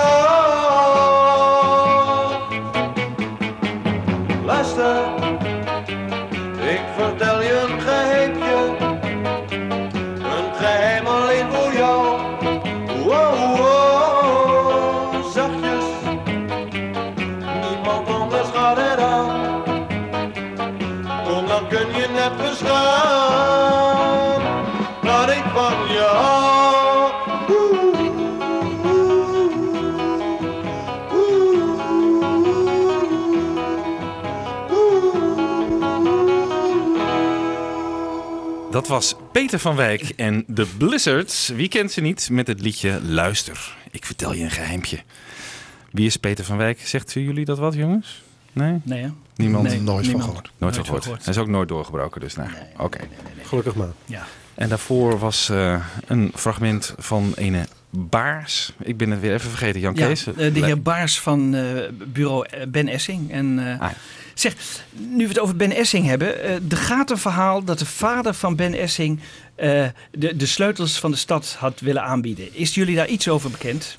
Ik heb het gelezen in jullie boek, maar dat, dat was bij mij niet bekend in ieder geval. Nee, hè? Nee. Ik, Wat- ik weet wel dat, eh, dat, en dat hoorde ik vorige week, dat de contracten met Van Gelder en Essing en dat over, over die Beatles, dat is getekend bij eh Martinus Kasten. De man die, die staat ook afgebeeld op de tekening van Epadouve. Dat was een, eh, een zakenman, een ondernemer uit Blokker. En bij hem in de keuken is dat ondertekend. Oh. Dat hoorde ik dus ook vorige week. Ja, toen zei ik ook meteen foto's. Ja, die zijn er dan weer niet. maar ja, ook wel bijzonder. Ja. Dat is dus eh, ja, achter, net achter het Beatles monument. hè? Ja. Ja, ja. het Beatles monument. Vertellen jullie eens even, jullie hebben je sterk gemaakt voor een monument in Blokker. Eh, hoe is dat gegaan? Ja, het, het begon eigenlijk met een idee. Dat was in 94. Toen was het eh 30 jaar geleden. Ja, ik zag wat in de krant staan en ik vroeg me af van... Ja, leuk allemaal, maar waarom is er eigenlijk geen gedenkteken? Ik woonde in Blokker en ik dacht van... Ja, de Beatles hebben hier opgetreden de enige keer. En ja, daar moet je toch iets mee doen. Nou is dat eh, in eerste instantie alleen maar een idee. Dus dat roep je dan tegenover een journalist. Nou, dan realiseer je niet wat er gaat gebeuren. Eh, het komt in de krant, eh, je komt op tv, voor de radio. Eh, Peter zag dat en die is toen ja, op mij afgestapt, heeft bij mij aangebeld en gezegd van nou, ik heb de bootleg Beatles gezien en is het niet leuk om de Beatles weer terug te halen naar Blokker. Die twee, twee ideeën, die hebben we eigenlijk in elkaar geschoven. Want toen hebben we gezegd van nou, zou het niet heel mooi zijn om die Beatles weer terug naar Blokker te halen via de bootleg Beatles. Destijds de beste eh, Beatles coverband ter wereld. En dan gaan we daar iets aan verbinden met bedrijven. Eh, mensen kunnen dat sponsoren, kunnen gratis kaartjes krijgen. Eh, Hun logo komt achter op het monument. En zo gaan we dat in elkaar schuiven. Daar was nog een andere persoon bij. Ron Koster was meer de, de zakelijke man. Peter is meer de organisatorische man. Ik ben meer de creatieve man. En dat was op een of andere manier een heel sterk driemanschap. En er is één cruciaal moment. Dat is wel aardig om, te, om even te vertellen. Ik hou het kort. Maar de Bootleg Beatles, ja, dat was natuurlijk een gigantische band eh, voor ons. Wij stonden daar zo tegenaan te kijken van ja, gaat dat wel lukken? Dus dan is de vraag van wat moet dat kosten? Penningmeester. Ja, dan heeft je te maken met Peter. En Peter is de penningmeester. En, en een hele goede penningmeester, gelukkig. Maar ehm, ja, er was ook enig bravoer. Ook bij ons drieën van, goh, ja. Dus toen kwam de vraag naar voren van, ja, wat gaan we nou doen? Nou, laten we een twee dagen doen. Hè? Dus één dag voor het publiek en één dag voor de bedrijven en de sponsors enzovoort. Eh, inmiddels was de, de, de provincie Noord-Holland eh, misschien ook geïnteresseerd, de gemeente. We wisten het allemaal nog niet zeker. Maar wij hadden zo'n enorm geloof in ons verhaal dat we dachten van nou oké, we stappen af op de bootleg Beatles en we gaan vragen wat het kost. Nou, zij zeiden van prima, dat doen wij. wij, wij komen naar Blokker. We doen alles. Hè? Dus met, eh, we komen met de band, we, komen, we doen het geluid, we doen de licht. En we willen hetzelfde bedrag als de Beatles. Ja. In 1964. Daar kwam het eigenlijk op neer. Omgerekend naar nu, hoop ik. Nee, nee, het was gulden, dus 1999. Ja. 42.000 gulden. Ja, 42.000. Dat, dat wilden ze hebben. Ja. Nou, eh, hè, de Beatles kosten 40. Eh, Toen zei ik, dan richten we wel even een stichting op. Ja. Want eh, daar willen we niet allemaal persoonlijk voor. Eh. Maar dat, dat, was, dat was een enorm succes. We hebben twee keer 500 man gehad in die kerk. Ze moesten 55 gulden voor een kaartje betalen. Het was gewoon binnen een paar weken uitverkocht. Maar dat was echt fenomenaal. Ja. Wow. Dus Ja. dat was het succesmoment Ja, eigenlijk. Maar ook het, een, een heel elementair moment als je bedenkt van... Ja, oké, je zegt ja, hè?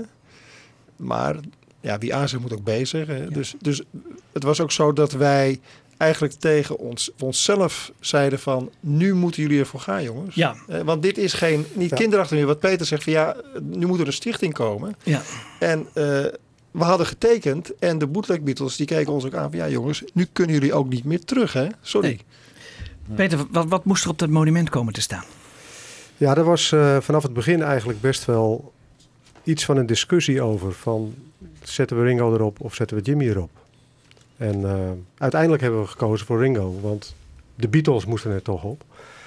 Maar ik kan me herinneren dat we daar best nog wel even over eh, hebben moeten nadenken. En, eh, Maar is er ja, niet op dat- een, op een Beatles-fandag iets van een enquête geweest? Dat ja, nou, we, we hebben, we hebben, kijk, voordat je zo'n monument laat neerzetten, ga je ook kunstenaars benaderen en ontwerpen laten maken.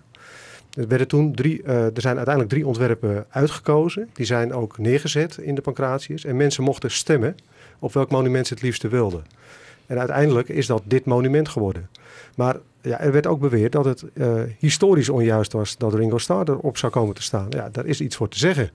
Dus dat hebben we gewoon al die tijd wel in het achterhoofd gehouden. En dat is ook de reden waarom eh, vorig jaar het monument is aangepast. Weet je wel? Dus het speelde eigenlijk al een beetje vanaf het begin. Wij dachten destijds van eh, dit monument moet eh, niet alleen maar een, een herinneringsteken zijn eh, vanwege die concerten, maar ook een statement zijn dat, ja, dat laat zien hoe groot en goed die Beatles waren. En als je het hebt over de Beatles, ja, dan hoort Ringo daarbij. Ja, precies, ja. Dus dan ga je, raadpleeg, eh, ga je de fans raadplegen. Ja, eh, dat was een soort van eh, verantwoordelijkheid die wij op ons namen. Van, ja, laten we nou vragen bij mensen, wat, wat vind jij? Wat vind jij ervan? Nou, je vraagt bij de voorzitter van de Beatles eh, Unlimited en bij die en die.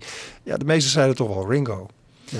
Terwijl ik, dat is wel aardig, in het begin zei, in 94, nou, ja, Ringo was er niet bij, dus die komt er ook niet op. Maar dat was eigenlijk meer een soort statement van, eh, hè, tegenover de pers. Ja. Maar, maar dat uiteindelijk Ringo erop is gekomen, ja, eh, dus, en nu staat dan, is, is het dan weer eh, Jimmy die erop staat. En Daar staan we helemaal achter.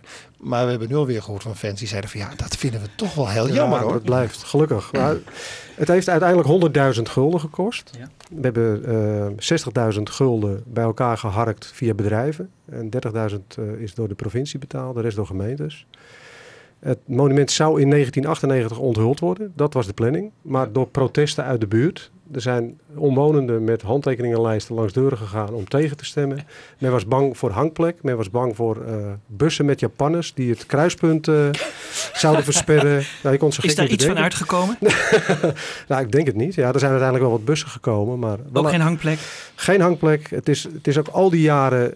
Ik denk dat er drie keer graffiti op, op, eh, op is gespoten. Voor de rest helemaal niet. Dus het wordt ook gewoon... Ja, Het hoofd van Ringo is er ook niet afgehakt of zo. Van dat soort- Nee, nee, het, het wordt gerespecteerd, zeg maar. En dat is Ja. best wel mooi. Ja. Ik bedoel, ja, het had ook anders gekund. Hebben jullie nog een poging gewaagd om McCartney uit te nodigen voor de onthulling? Uiteraard. Ja, eh, eh, loopt dat dan gelijkspraak? Ik bedoel, is, dat dan, is daar geen denken aan? Of is, nee, nee. Wordt dat nog opengelaten? Werd dat toen nog open? Hoe is dat gegaan? Kun je er iets over zeggen? Nou, dat heeft altijd weer te maken met contacten. Hè?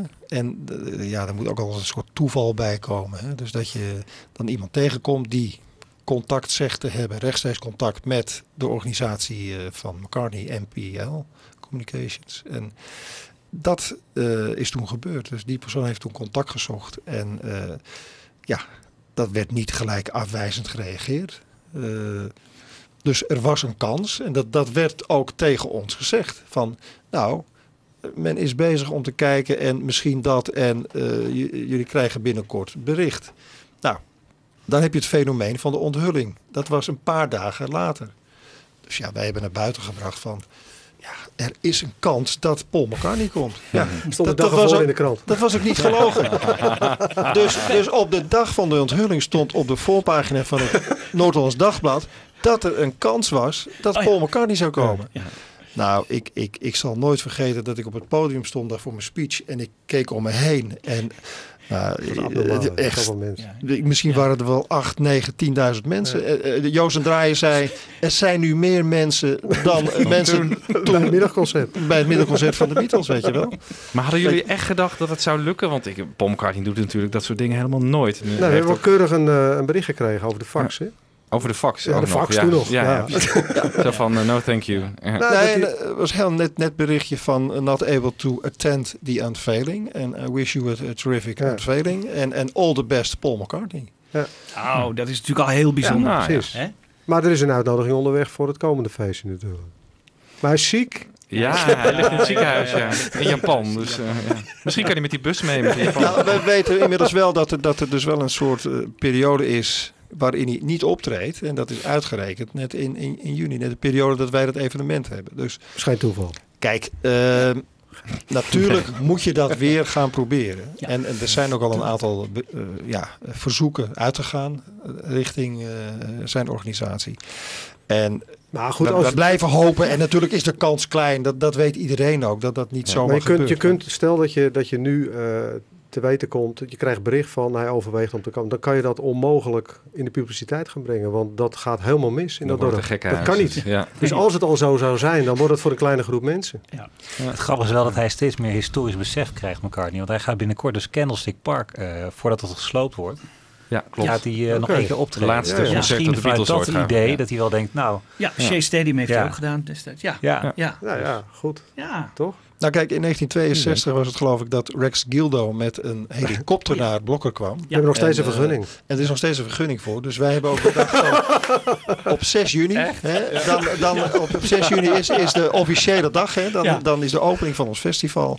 En dan zou het toch prachtig zijn als Paul daar met die helikopter aankomt. En dan zorgen wij wel voor een mooie Chevrolet Escape die daar klaar staat. En die brengt hem dan naar Centrum Parkatius. En daar hebben wij vier dames, Fab Quartet.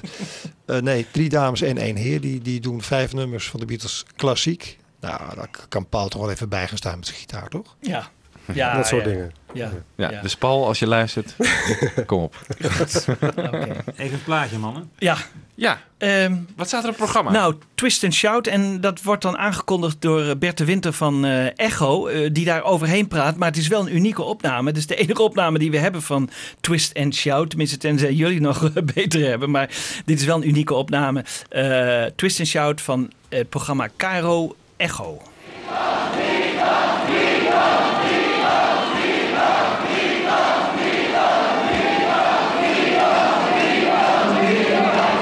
Is het Beateldorp Blokker.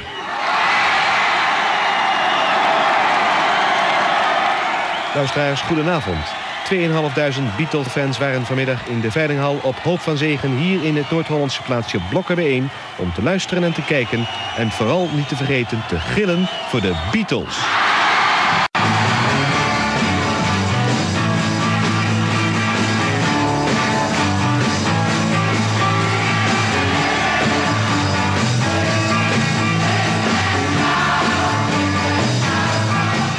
Ongetwijfeld gehoord van de waanzinnige tafereelen die zich hebben afgespeeld tijdens de rondvaart vanmorgen door de Amsterdamse grachten. Ik moet u zeggen, zover is het hier nog niet gekomen, met de klemtoon op nog. Want de verwachting is, wanneer er vanavond 7000 van deze hysterische fans bijeen zijn, het enorm moeilijk zal zijn voor de organisatoren om deze massa in bedwang te houden. Vanmiddag om 1 uur waren de fans al in blokken aangekomen met brommer, scooter, bus of fiets. Compleet in spijkerbroeken, leren vesten en allerlei andere Beatle-hemden, pruiken, hoeden, jurken, sokken en gaat u zo maar door. Wat de Beatles nog nooit in hun roemrijke carrière hebben gezien, was een half gevulde zaal. Waaruit u echter niet mag concluderen dat organisator Ben Essing en zijn festivalstichting een financiële strop hebben gehaald. Integendeel, voor Ben Essing was de zaal wel uitverkocht. Want Radio Veronica, die muziekzender ergens op zee, had alle 7000 plaatsen voor de zaal al weken geleden opgekocht. In de veronderstelling dat zij deze via reclamespots in hun uitzendingen wel kwijt zouden raken. Vanochtend echter vertelde een Veronica-medewerker mij dat er maar 1045 kaarten waren verkocht. En de resterende 1500 kaarten zijn vanmiddag hier aan de kassa's in blokken verkocht. Radioreclame schijnt zelfs niet geschikt te zijn om eigen artikelen in dit geval plaatsbewijs aan te prijzen. Maar de 2500 fans waren ruim voldoende om de Beatles orkaanachtig te verwelkomen. De microfoons van radio, televisie en filmluisteraars zijn enkele ogenblikken voor het optreden van de Beatles van het toneel weggehaald. Dit in opdracht van de assistent-manager van de Beatles, die voor elke microfoon 5000 gulden, dat is een 5 met maar liefst drie nullen naar achter, eiste. Een en ander was overigens goed afgesproken met de assistent-manager, maar hij zei business is business, iedere microfoon 5000 gulden of anders weg. Ja, de Beatles zelf hebben ook niets te vertellen. Het zijn aardige jongens die alleen maar mogen knikken en zingen. En de rest wordt gedaan door die manager. Siska Peters bijvoorbeeld wilde graag een fotoplaatje laten maken met de Beatles. De Beatles gingen ermee akkoord, maar de manager zei nee. Misschien dacht hij, misschien zit hij ook weer duizend gulden in. De showbusiness, dames en heren, is hard. Het is weer rustig geworden in Blukken. Over enkele uren zal het JJJ weer losbreken. En voor een reportage daarvan hoop ik u om 10 minuten voor half elf bij u terug te komen. Vanuit het inmiddels weer tot rust gekomen Beatle-dorp Blokker terug naar de studio in Hilversum. Fab Forecast. Hello. Okay.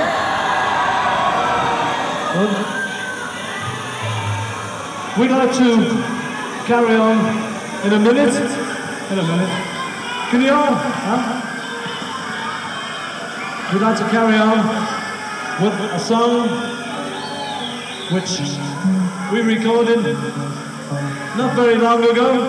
We hope that you like the song. The song is called All My Loving. Close your eyes and I'll kiss you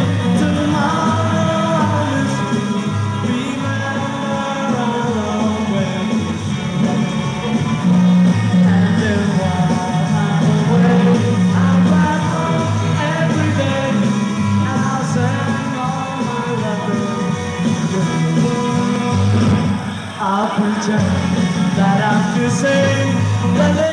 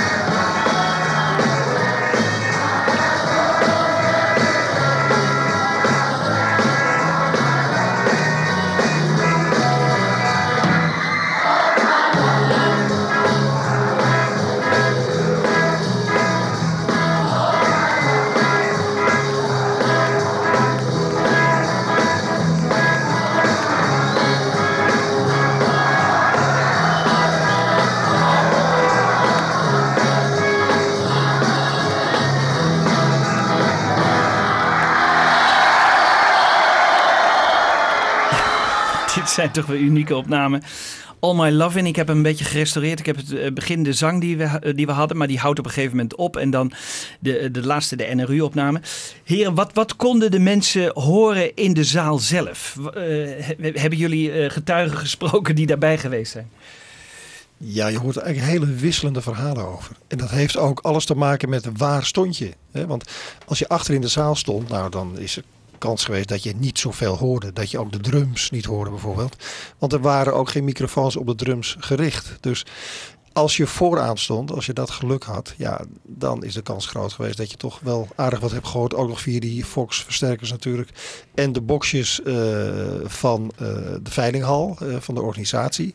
En die stelden niet zoveel voor, heb ik gehoord. Maar de microfoons bijvoorbeeld, ja, die waren van een geweldig goede kwaliteit. Nou ja, ehm, er zijn ook mensen die zeggen van ja, het viel erg mee met de hysterie. Anderen zeggen van nou, het was een gekkenhuis. Dus ja, ja, Bijzonder is wel de beleving van de mensen. Want we hebben natuurlijk heel veel mensen gesproken die erbij waren. Het was 2,5 uur voorprogramma, eh 25 minuten Beatles. Maar mensen hebben nog steeds, die dat heel bewust meegemaakt hebben, dat, dat idee dat ze de hele avond de Beatles hebben gehoord. Ja. Ja.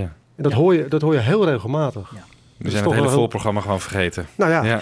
En dat het Dat een is- twee uur concert dat is eh, was. gebleven. Ja. Het was maar een half uurtje, denk ik, ongeveer. 24 minuten. 24 minuten. Ja. Geweldig hè? Zeg, Peter, jouw zoon is dacht ik drummer. Ja. Eh, hoe deed Jimmy het als drummer? Wat, wat zegt hij daarover? Ja, hij, eh, wat, wat hem het meest eh, opviel was hoe gevarieerd hij drumt. En Kees is een eh, aanhanger van Keith Moon. En eh, Jimmy Nicol heeft wat dat betreft ook best wel dingen die Keith Moon ook had. En dat is wat meer op de muziek drummen en niet altijd exact in het ritme. Meer Ja, dingen gebruiken. versiersels, eh, ja, ja. precies. Ja. En ja, goed, zwaar onderschat. Ja, Ja. en dat is, dat, dat hij, ja, goed, hij is best wel, hij heeft best wel veel verstand van drummen. het is zijn vak. Ja. En hij is ook een echte liefhebber. En eh, hij is ook best wel een fan van Jimmy Nicol. Geworden ook. Maar hij is pas Ja. 22, dus ja. Nou. Jimmy Nick, wat je al zei, die speelde bij Georgie Fame in Ja, de band. ja, maar was ja. ook een gerespecteerd sessiemuzikant Absoluut. in Londen. Ja. Ja, heel veel Ja. gevraagd. Ja, klopt. Ja. Ja. Dus, En hij past ook in het pakje van Ringo. Hè? Ja, Ah, oh, net net, aan. net ja. Wat is er met die Jimmy gebeurd? ja, wat- Hebben wat- jullie, jullie hebben hem geprobeerd te bereiken Ja, natuurlijk. ja, Hè? ja. Uiteraard eerder al. Maar hij was gewoon niet, niet op te sporen. Nee. En ehm, ja, bij eh, vorig jaar, dus bij, bij de verandering op het monument, toen eh, eh, kwam Gerrit op het idee, op het idee om, om Howie eh, te benaderen. Wie is Howie? Howie is de zoon van Jimmy. Eh, onze leeftijd, midden 50. Ehm, geluidstechnicus. Eh, doet ook heel veel met, eh, met en in de muziek. Heeft ook ge- geassisteerd bij de Anthology van de Beatles. Met zijn bedrijf. Gert heeft Howie uitgenodigd via e-mail om te komen. En Howie gaf heel snel te kennen dat hij dat liever niet deed. En dat hij het wel op prijs stelde dat hij werd uitgenodigd, maar liever niet. Toen hebben wij gereageerd met dat we dat heel erg jammer vonden, maar dat we dat wel respecteerden. En zo'n antwoord had hij eigenlijk nooit gehad. Waarop zijn beslissing werd teruggedraaid. Hij zegt, ik kom. Dat is eigenlijk best Ja. wel... Ja. Want ja, ik denk dat, dat er heel veel verzoeken komen. En dat als hij zegt van liever niet, dat hij gewoon wordt afgezeken. Weet je wel? Ja, En- mensen blijven maar proberen. Hè? En, Precies. En, en, en wij Ja. hadden zo'n houding van, nou oké, dat respecteren we. Als je dat niet wilt, dan oké. En, en eh, good luck. En, Ja. en, en ik zal nooit vergeten het moment dat ik, dat ik dus thuis kwam en ik doe mijn computer aan en ik zie ineens, plop, mailtje van, van Howie Nickel. Ja. Ja. En, en dat was heel voorzichtig gesteld nog van, ja, stel je nou voor dat ik wel zou komen. Wat zou dat dan betekenen? En, Ja. en hoe ziet dat er dan uit? En wat gaan jullie doen? En nou, toen hadden we al het gevoel van, nou, als we dit heel voorzichtig aan gaan Hij wilde gewoon wat afgeschermd worden. Ja, Eigenlijk. ja, dat hij wilde afgeschermd worden. En, en toen dacht ik, als we het heel voorzichtig aan gaan pakken, dan is er misschien een kans dat hij komt. En nou, dat mailcontact, dat werd op een gegeven moment ja, steeds uitgebreider en waar we ietsje intiemer en iets, ietsje meer op van nou, hoe, hoe gaat het met je en, en, en, en wat stel je erbij voor en wat zou je graag willen en als je dan komt. En, en nou ja, we hebben een hotel geregeld voor hem, eh, we hebben een soort bewaking voor hem eh, verzorgd en we hebben ook gezegd van eh, we zorgen dat niemand erbij komt hè, als jij er bent. We doen een soort persconferentie Die mensen mogen met jou praten en voor de rest niemand. Nou, dat vond hij prima. En eh was ook een één belangrijke reden dat hij wilde komen, denk ik, achteraf. En dat was dat het boek van Jim Birkenstead was verschenen de- over Jimmy Nickel. The Beatle Who Vanished. Ja, hij wilde wel het een en ander rechtzetten ook. Ja, hè? Vertel maar, Peter. Nou ja, goed. eh, die, die meneer, de, de, de muziekdetective, zoals hij zich noemt... die heeft toch wel op een eh, onbehoorlijke manier eh, lopen graven... binnen zijn vriendenkring en familiekring. En hij was er helemaal niet van gediend. Dus hij wilde gewoon een aantal dingen... Ja, ik weet niet meer precies wat hij heeft rechtgezet met betrekking tot dat boek. Maar hij maakte wel duidelijk dat hij dat boek echt niet op prijs stelde. En dat, eh, ja, ook door de manier waarop eh, zijn familie is benaderd. En niet, niet goed, niet netjes. Ja, kijk, eh, ook zo dat, denk ik, in dat boek nogal wat negativiteit naar voren kwam. Hè? En dat heeft natuurlijk alles te maken met wat is er met Jimmy gebeurd nadat hij eh, acht shows heeft gedaan met de Beatles. En ja, hij was even Beatle. En, Ja, het is een soort sensatiejournalistiek. Ja, dat is Ja, sensatiejournalistiek. Nee, ik, vind, ik, bedoel, ik heb het boek zelf en het is ook, er zijn prachtige foto's in. Die Ja, man is oh. echt heel diep gegraven. Ja. Hij zet heel mooi op een rij hoe eh, de aanloop is geweest naar het toetreden tot de Beatles. eh, Ja. Wat er daarna is gebeurd. Hij Ja. heeft tijdelijk nog geprobeerd even op succes mee te liften. hè. Dus, maar het is natuurlijk gewoon een tragische figuur. En dat Ja, maakt dat- het dat is natuurlijk, het, is waar. gewoon, het is gewoon pijnlijk als je in de Nickel-familie zit, neem ik aan. Ja. Als er iemand gaat graven naar je verleden. Want het verleden is gewoon pijnlijk. Ja, maar hoe doe je dat? Doe je dat op een nette manier, integere manier, of doe je dat niet? Kijk, het is natuurlijk uh, Howie zijn verhaal en hoe het exact in elkaar Ja. zit, dat blijft toch, Ja. ja, daar kom je, daar kom je toch niet achter. Ik denk dat, dat ons monument in die onthulling voor Howie het tegenovergestelde was van het boek. Ja, Als je begrijpt bedoel. met respect. Ja. En Ja, dus ja. dus ineens was daar de glorie van Jimmy Nickel met de Beatles. En daar was Howie heel trots op. Dat hebben we wel gemerkt. En toen het eenmaal onthuld was, hij heeft het onthuld samen met de burgemeester. Nou, dat was heel ontroerend. En, en, en na afloop was iedereen weg. En dan zie je Howie in zijn eentje voor dat monument staan. En zo met, de met zijn armen over elkaar. En dan kijk je hem zo op zijn rug. En dan staat hij echt wel, nou, tien minuten zo naar zijn vader te kijken. En dan voel je van, potverdomme, hé, hier is ontroering. Hè? Dus, Ja. dus daar gaat het over.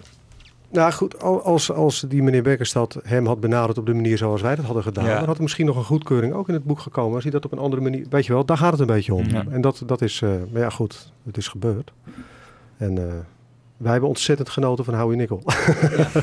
ja, we hebben een, prachtige avond ook gehad, samen met En hem. hij is trots op zijn vader als drummer ook. Ja, ja, ja, precies.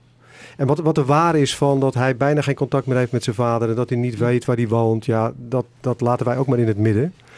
Ik denk zelf dat hij dat wel weet en dat ze gewoon regelmatig contact hebben. Maar goed, hij doet dat ook om zijn vader in bescherming te nemen. Die Ja. heeft liever helemaal niks meer met het hele gebeuren te maken. En ook om zichzelf in bescherming te nemen, Ja, denk ja, ik. ja. Want, want Ja. kijk, niet alleen maar eh, Jimmy Nickel is steeds benaderd, maar ook Howie natuurlijk. Hè? Ja, hij wordt door allerlei Beatles-fanaten benaderd voor Beatles-dagen en dat soort dingen. Ja, dat is, eh, Nou ja, kijk, eh, het, het werkt zo heel simpel van ja, als je, als je de vader niet kan krijgen, dan probeer je de Ja. zoon. Hè? Ik Ja. bedoel, ja, dat hebben wij zelf ook gedaan Ja. natuurlijk.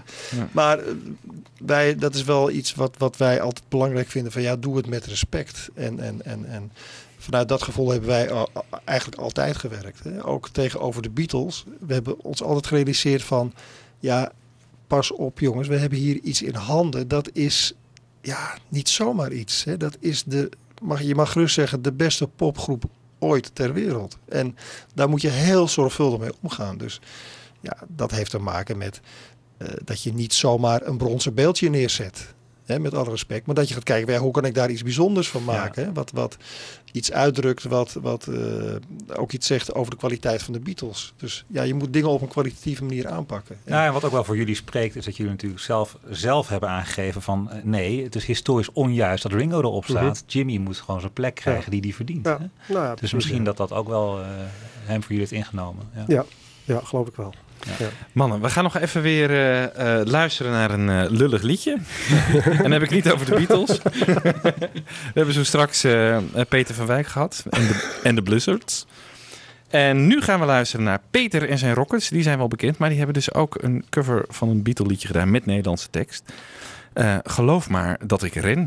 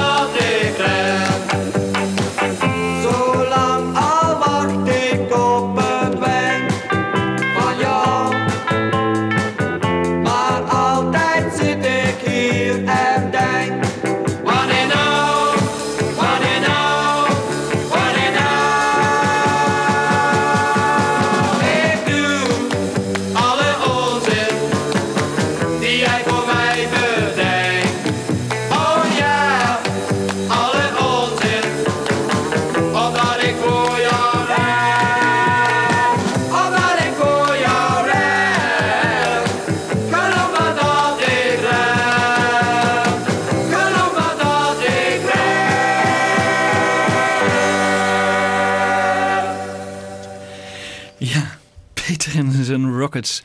Beetje dat Eindhovense accent hoor je er nog doorheen. Ja. Ehm, Met dit soort nummers speelde Jimmy Nicol dus in Engeland. Eh, een soort budget eh, label toch? Met allemaal Beatle eh, covers erop. Dus eigenlijk is het, ja. Ja. Dit, is dit ingespeeld door een Nederlandse cover We weten er niet veel van. Ik moet hierbij... Ja, eh, Rockets natuurlijk, maar al Fik die van, andere... de, Fik van der Rijt heel erg bedanken voor zijn medewerking, want die heeft dit allemaal verzameld. Wauw, ja. En we mochten uit zijn collectie even putten. Ehm, ja, eh, eh, nog even om het eh, verhaal chronologisch af te maken. De vrijdagavond zijn de Beatles eh, de hort op gegaan na Treslong. Ze wilden graag de wallen op. En eh, ze hadden speciale begeleiding van Carranza en een politieinspecteur. En eh, ze wilden graag eens kijken op de wallen. Ehm, het verhaal gaat dat John Lennon heeft in 1970 gezegd van... er schijnt een foto van mij te zijn dat ik kruipend uit een bordeel kom in Amsterdam. Dat hebben we natuurlijk proberen te checken en na te gaan. Maar dat, wij vermoeden toch dat dat niet eh, de waarheid is. Omdat ten eerste, die Beatles konden voldoende vrouwen krijgen die ze wilden. En ten tweede, ze hadden helemaal geen geld bij zich. Ten derde, dan zou Carranza het hebben moeten betalen.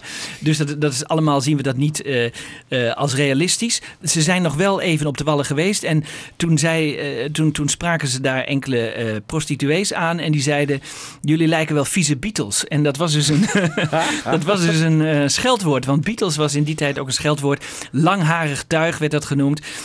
John Lennon had over zijn bril op. Was totaal onherkenbaar. Eh, ze ze hebben dus daar even over die wallen gelopen, maar voor hun zal het niet zo heel bijzonder zijn geweest, want ze waren natuurlijk de reperbaan en alles daaromheen eh, gewend Dat in wel een tikkeltje Hamburg. erger eh, volgens mij. Ja, dat was Ja. allemaal een stikkeltje erger. Daarna zijn ze naar de Club Femina gegaan op het eh, Rembrandtplein.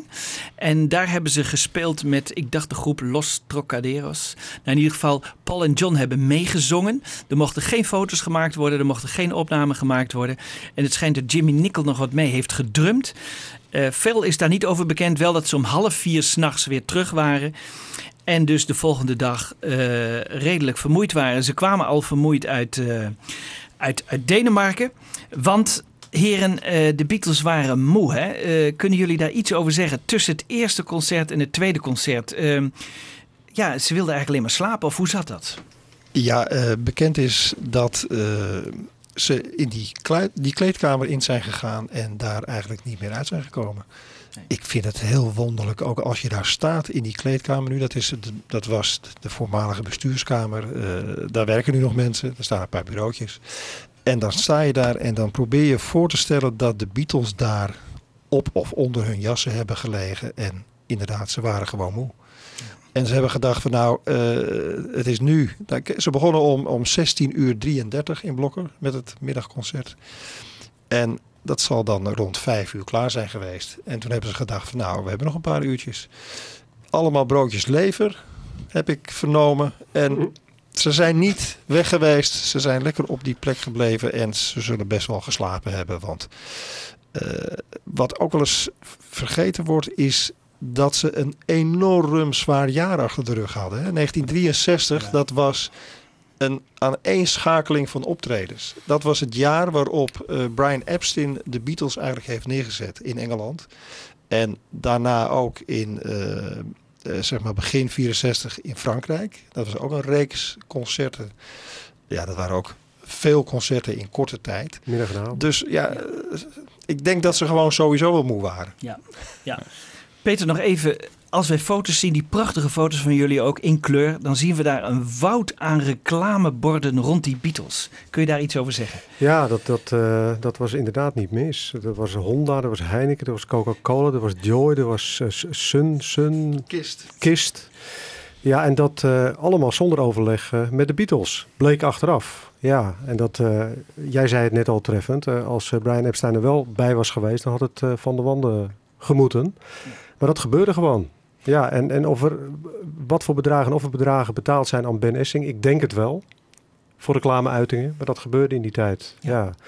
Wel leuk om te vertellen dat we het Heineken doek, zoals het achter het podium hing, weer na hebben laten maken. En dat hangt straks in Blokker ook weer achter het podium. Vertel eens, je noemt het nu, Blokker.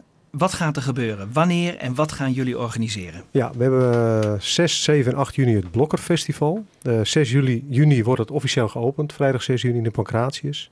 Dat is voor genodigden. Eh daar speelt eh, een eh, klassiek ensemble, Beatle Klassiek. Er zijn drie mensen die ook in het voorprogramma hebben gespeeld in 1964. Elias Glas is uitgenodigd. Raymond, ik vergeet iedere keer zijn achternaam. Berghaan. Berghaan van de Candy Kids. En Siska Peters. Burgemeester doet een woordje, Gert doet een woordje. We hebben muziek, eh, we laten wat oude beelden zien. Dus ja, dat wordt gewoon een mooie avond voor de genodigden. We gaan eh, zaterdag verder met de expositie op twee plaatsen. We hebben in Pancratius een prachtige expositie van foto's van Eddie Postuma de Boer. Er hangen heel veel Beatles items. eh, jurkjes, speldjes, eh, papiertjes met handtekeningen, programmaboekjes. We hebben onlangs weer een prachtige verzameling programmaboekjes gehad van ieder jaar Blokkerfestival. Getekend. Het is echt magnifiek. In de veiling eh staat dan ook de expositie. Er staan vier auto's. Vassal Vega van Ringo Starr. eh, Ferrari van John Lennon. Rolls Royce van Paul McCartney. De radiowagen staat er. Er komt misschien nog een auto bij. Maar Hoe komen we jullie aan die auto's dan? eh? Ja. Dat is, een, eh, dat is ook best wel een bijzonder verhaal, Gert. Ja, het is zo dat eh, Martin van der Seel maakt deel uit van onze stichting. En eh enthousiast, enthousiast eh, fan die enorm van muziek houdt. Dat is de grote gemene deler, maar ook van auto's. Hij is specialist in classic cars en schrijft daarover voor het blad Caros. En hij kwam er op een gegeven moment achter dat er in Engeland... Nou, eerst de Ferrari van John Lennon werd geveild. En daarna de Vassal Vega van Ringo Starr. De Ferrari uit 65 en de Vassal Vega van Ringo Starr uit 64. Ehm, daar heeft hij ook artikelen over geschreven voor Caros, voor, beide auto's. En toen zei hij op een gegeven moment, ja, tijdens een vergadering, eh, toen we bezig waren met, ja, hoe, wat gaan we doen, hè? hoe gaan we het invullen? Toen zei hij van, nou, zou het niet leuk zijn om die auto's hier naartoe te halen? Hè? Ja, wij wat een beetje lachen van, ja, hallo Martin, eh, wat, wat denk je wel niet wat dat, wat dat betekent? En is wel aardig om te weten dat, ik denk niet eens zo heel lang daarna kwam, eh, werden wij benaderd door de man van de Veilinghal, Henk Klein, hè, van het distributiecentrum eh, van Kruidenier eigenlijk, die daar zat, het Food Center. Eh, die zei van nou, kunnen wij niet iets gaan doen met elkaar? Hè? Toen was ineens een mogelijkheid om die veilinghal te betrekken bij ons evenement. Nou, uiteindelijk gaat die veilinghal die gaat open en die auto's komen daar te staan. En hoe kan dat? We zijn erachter gekomen, Martin is erachter gekomen, dat die beide auto's zijn gekocht door een Belgische Beatles-fan. Iemand uit Vlaanderen. En die heeft allebei de auto's gekocht. En eh, ja, vervolgens kwam het er natuurlijk op aan dat wij hem bereid zouden vinden om die auto's ook in blokken neer te zetten. Nou, deze meneer eh, ja, is zo enorm aardig geweest om te zeggen van ja, dat wil ik. En wat wilde hij ook? Hij wilde ook ons boek sponsoren. Dus hij staat ook voor in ons boek. Voor een vrijkaartje. En dan is het wel aardig. Een goede deal, ik, toch? Ik heb, Ja. ik heb in een restaurant gezeten met, met, met deze meneer en met zijn zaakwaarnemer en met Martin. En ja, Martin had het met zijn zaakwaarnemer van, eh, van deze Belgische meneer. Had hij het over, eh, hij heet Lieven en de zaakwaarnemer heet Hans. En Martin had het met Hans over auto's. En ik had het met Lieven over de Beatles. Want hij zei van ja, Ik hou erg van auto's, maar het gaat eigenlijk over de Beatles. Het gaat over de aura van John en Ringo die rond die auto's hangt. En ja, er zit muziek in die auto's. En dat is toevallig wel de mooiste muziek ter wereld. Mooi.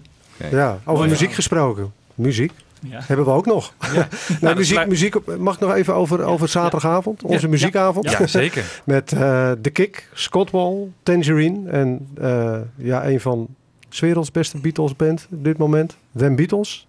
zijn Schotse jongens, maar ze zitten gemiddeld onder de 30. Dat was ons uitgangspunt. Je hebt heel veel Beatle coverbands die zitten ver boven de 30. Ja. 50, 60. De bootleg Beatles inmiddels ook, denk ik. Inmiddels Ja. ook. Ja, maar dit zijn jonge gasten en dat, eh, dat is goed. Het concert is hartstikke uitverkocht. Achteraf, ik zei het vorige week nog tegen Gert, hadden we weer een middag- en een avondconcert kunnen doen. Ja. Want dat had makkelijk volgekomen. Maar we mogen niet te gek veel mensen die zaal inlaten. Ook veiligheids- en brandweervoorschriften. Maar dat wordt een fantastische avond. Hartstikke leuk. Ja. Nou, dan Ja. gaan we afronden. Ja, we gaan Kees. afronden. Hè? Ehm, Ja. Gert Elzinga, Peter eh, Schapen. Heel vriendelijk dank dat jullie hier wilden komen. Want dit is, eh, was voor ons een eh, prachtige gelegenheid om aan Blokker aandacht te besteden. En aan jullie hele mooie boek. boek. Ehm, we hebben nog twee stukjes muziek. We hebben één stukje Long Tall Sally, waar maar een heel kort stukje van is van eh, Blokker. Gevolgd door eh, een intro van She Loves You. En daar hoor je Ben Essing even zeggen dat iedereen weer op de eh, stoelen moet gaan zitten, wat ze helemaal niet wilden. En Paul McCartney had er genoeg van. Die heeft tijdens, die tijdens die mededeling van Ben Essing gewoon She Loves You ingezet. En is er dwars doorheen gaan spelen. Vind ik ook heel erg leuk. Dus we eindigen met Long Tall Sally en She Loves You. Oké, en tot de volgende keer.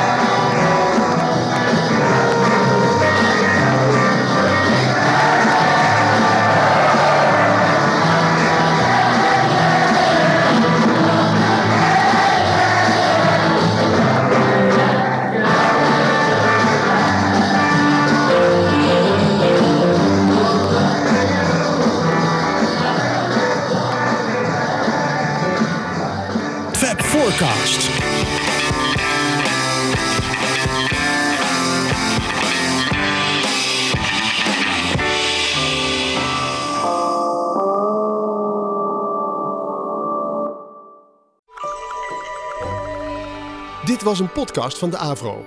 Wij maken tientallen podcasts per week. Van klassiek tot pop, van actueel tot Avro-archief en bijzondere radio-uitzendingen en speciaal voor podcast gemaakte programma's. Kijk op avro.nl/slash podcasting voor een compleet overzicht. Wij bieden als luisteraar alle vrijheid, nu en in de toekomst.